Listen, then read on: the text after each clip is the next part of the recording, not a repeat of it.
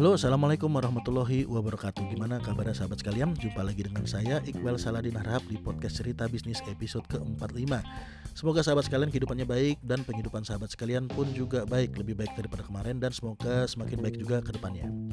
Seperti biasa ya, podcast ini disupport oleh bantu bisnismu.com dan Kuantum Sinergi Umat di mana bantu bisnismu.com atau biasa saya singkat dengan sebutan BBDC adalah salah satu perusahaan saya yang beraktivitas mencari dan menseleksi bisnis yang cukup potensial untuk diajakin kerjasama. Sedangkan QSU adalah lembaga keuangan yang menyediakan pendanaan untuk proyek yang telah disortir oleh BBDC tadi. So bagi teman-teman sekalian yang punya bisnis, kerasa bisnis potensial, tumbuh bagus dan butuh bantuan untuk apa saja, baik itu manajerial, pembukuan, atau ingin konsultasi mengenai bisnis ataupun untuk kepikiran mengenai investasi, ataupun juga ada penawaran kerjasama pendanaan secara profesional dari teman-teman sekalian jangan segan untuk kontak kami di BBDC.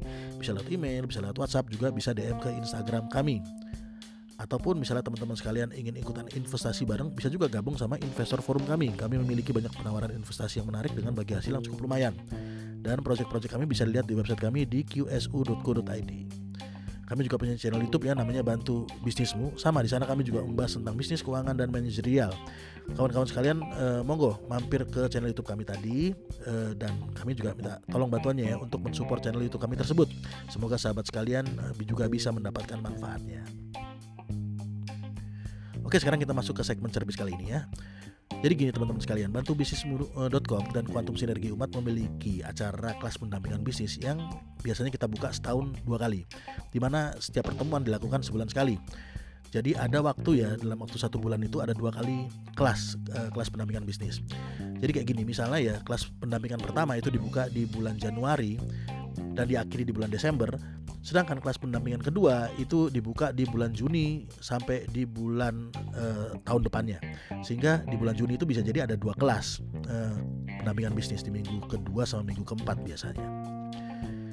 Dan untuk menjadi peserta itu gratis teman-teman sekalian ya, khusus untuk anggota KSU dan uh, teman-teman bantu bisnismu.com. Gak dipungut biaya sama sekali kecuali untuk biaya pribadi, misalnya untuk makan siang, untuk makan dan minum, serta untuk biaya tempat jika memang ingin dilakukan uh, di tempat umum ya karena uh, dikarenakan mungkin pesertanya itu uh, cukup banyak. Yang jelas biaya itu dikumpulkan untuk peserta dan akan digunakan untuk peserta. Jadi eh, ceritanya gini, Sabtu kemarin itu adalah pertemuan ke-10 dari kelas pendampingan bisnis eh, generasi kelima. Acara eh, tersebut berlangsung dari jam 9 pagi hingga jam 15 sore ya. Setelah acara selesai dan peserta masing-masing pulang, ada satu anggota atau satu peserta ya yang ingin eh, diskusi, ingin eh, konsultasi lah gitu, tukar pikiran. Dan eh, bisnis peserta ini adalah bisnis konveksi. Jadi ceritanya gini, kawan ini eh, apa ya berkeluh kesah bahwa tempat kerjanya saat ini itu sudah mulai penuh, penuh dengan tukang jahit, penuh dengan tukang tukang potong, belum lagi ditambah tim eh, digital marketingnya dia, tim marketing online ini ya, termasuk adminnya juga.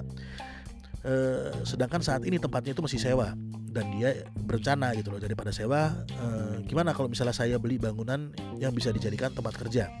Namun seperti biasa lah ya, namanya orang pengen beli bangunan tuh kan harganya kan nggak murah masalah utamanya adalah uangnya belum cukup. Nah, yang ditanyakan kepada saya gitu loh dari sahabat ini adalah gimana caranya agar saya bisa memiliki tempat kerja yang cukup besar. Artinya dia punya sendiri gitu loh, bukannya sewa. Oke, untuk menjawab pertanyaannya, saya tanya ke dia kembali. Eh, memangnya kalau sewa itu kenapa? Ya, dia jawab, e, selain harganya selalu naik, dia merasa juga lebih nyaman kalau tempat itu adalah miliknya sendiri sehingga dia nggak perlu pindah-pindah tempat lagi kalau misalnya tempatnya yang lama itu dianggap sewanya kemahalan. Lalu saya sarankan kepada dia, ya gini loh mas, kalau memang mau beli, kenapa nggak beli secara kredit? Nah kemudian dijawab, ya saya pinginnya sih belinya secara cash. Oke, karena dia pengen belinya secara cash, saya ajak kawan ini hitung-hitungan. Seandainya ya dia punya uang 350 juta dan ada tanah serta bangunan yang dijual sebesar 350 juta. Kalau dia memutuskan untuk membeli tanah itu, maka uangnya yang tadinya 350 juta bisa sih cukup akan menjadi nol. Itu pun kalau misalnya kita anggap biaya pajak, biaya pengurusan balik nama itu kita abaikan ya. Dan kalau dari 350 juta itu dia bisa putar bisnisnya sendiri, maksudnya dia, taruh di bisnis sendiri ya. Dan kita let's say lah, kita anggap dia bisa mendapatkan keuntungan 5% setiap bulannya, maka dia akan memiliki potensi profit sebesar 17,5 juta rupiah setiap bulannya.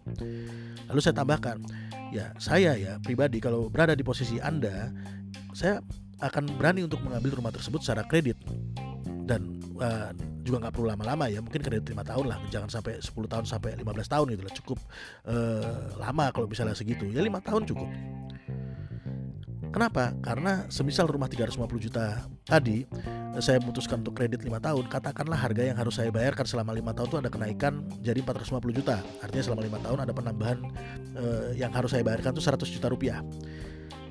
Setelah lima tahun harga jual rumah tersebut itu bisa lebih dari 450 juta rupiah ataupun bisa jadi sama. Namun yang jelas ya setelah lebih dari tahun ke-10 yang jelas rumah tersebut itu kemungkinan besar harganya sudah lebih dari 500 juta rupiah. Sedangkan untuk cicilan eh, menurut saya sih saya masih gak terlalu berat ya karena dengan adanya modal 350 juta tadi saya masih bisa ada pemasukan sebesar 17 juta uh, setengah setiap bulannya. Artinya teman-teman sekalian yang saya uh, apa namanya uh, ada di pikiran saya adalah rumah itu uh, harganya atau nilainya itu cenderung meningkat. Memang nggak ada jaminan sih kalau uh, harga rumah itu kenaikannya selalu signifikan. Tapi yang jelas uh, harga rumah itu kenaikannya itu untuk jangka panjang memang relatif naik. Sehingga kalaupun uh, seandainya ada satu waktu kita nggak bisa bayar cicilan dan rumah tersebut memang harus dijual maka kemungkinan besar ya harganya itu sudah lebih mahal daripada total biaya yang telah kita bayarkan. Sehingga masih ada untungnya. Namun jika misalnya masih ada kekhawatiran di diri Anda untuk mengkredit rumah, misalnya takut nanti nggak bisa bayar atau takut nanti diomelin istri atau takut nanti hidupnya sempit dan lain-lain, ya lebih aman sewa menurut saya. Kalaupun misalnya ya harga sewa bangunan 30 juta setahun, tapi kalau misalnya ada potensi eh, pemasukan Anda itu 17 juta sebulan kan masih relatif aman itu, ngapain bingung. Lain cerita, misalnya kalau misalnya Anda memiliki dana nganggur 900 juta rupiah dan mau beli rumah sebesar 350 juta rupiah cash ya aman-aman aja kalau memang demikian dan beda juga ya kalau misalnya anda memutuskan untuk membeli mobil misalnya untuk usaha gitu ya saran saya ya kalau beli mobil itu cash jangan kredit. Kenapa? Ya karena hal ini sudah pernah saya jelaskan ya di podcast episode ke-39 moga teman-teman sekalian uh, bisa meluncur uh, ke podcast episode uh, 39 untuk mendengarkan opini saya tentang membeli mobil secara cash. Dan juga menurut saya membeli mobil itu bagusnya sih beli mobil second aja nggak usah beli mobil baru. Kenapa? Ya silakan teman-teman sekalian menuju ke podcast episode ke-39 untuk mendengarkan opini pribadi saya jadi ada kalanya ya teman-teman sekalian kita perlu untuk membeli barang secara kredit.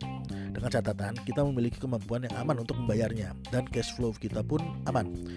Sehingga kita nggak perlu takut berhutang selama kita paham ilmu berhutang. Kalau suatu saat misalnya kita nggak bisa melunasi utang tersebut ya kita jual aja asetnya atau kita jual aja barang yang kita hutang yang dihutangkan tadi ya. Lunasi utang kita.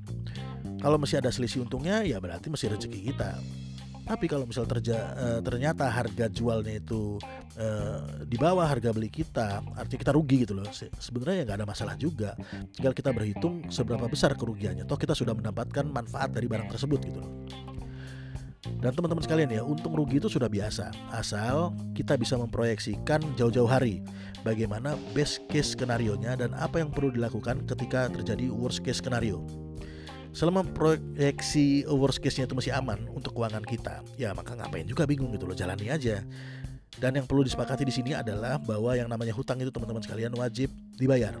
Oleh karena itu, sebelum teman-teman memutuskan untuk berhutang, idealnya teman-teman sekalian pelajari dulu ilmu untuk berhutang.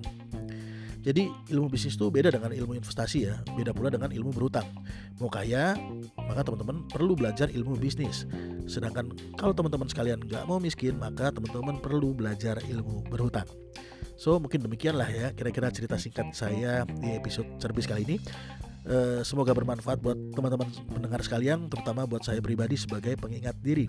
Sehingga saya mundur diri dulu. Sampai jumpa di episode cerbis berikutnya. Wassalamualaikum warahmatullahi wabarakatuh.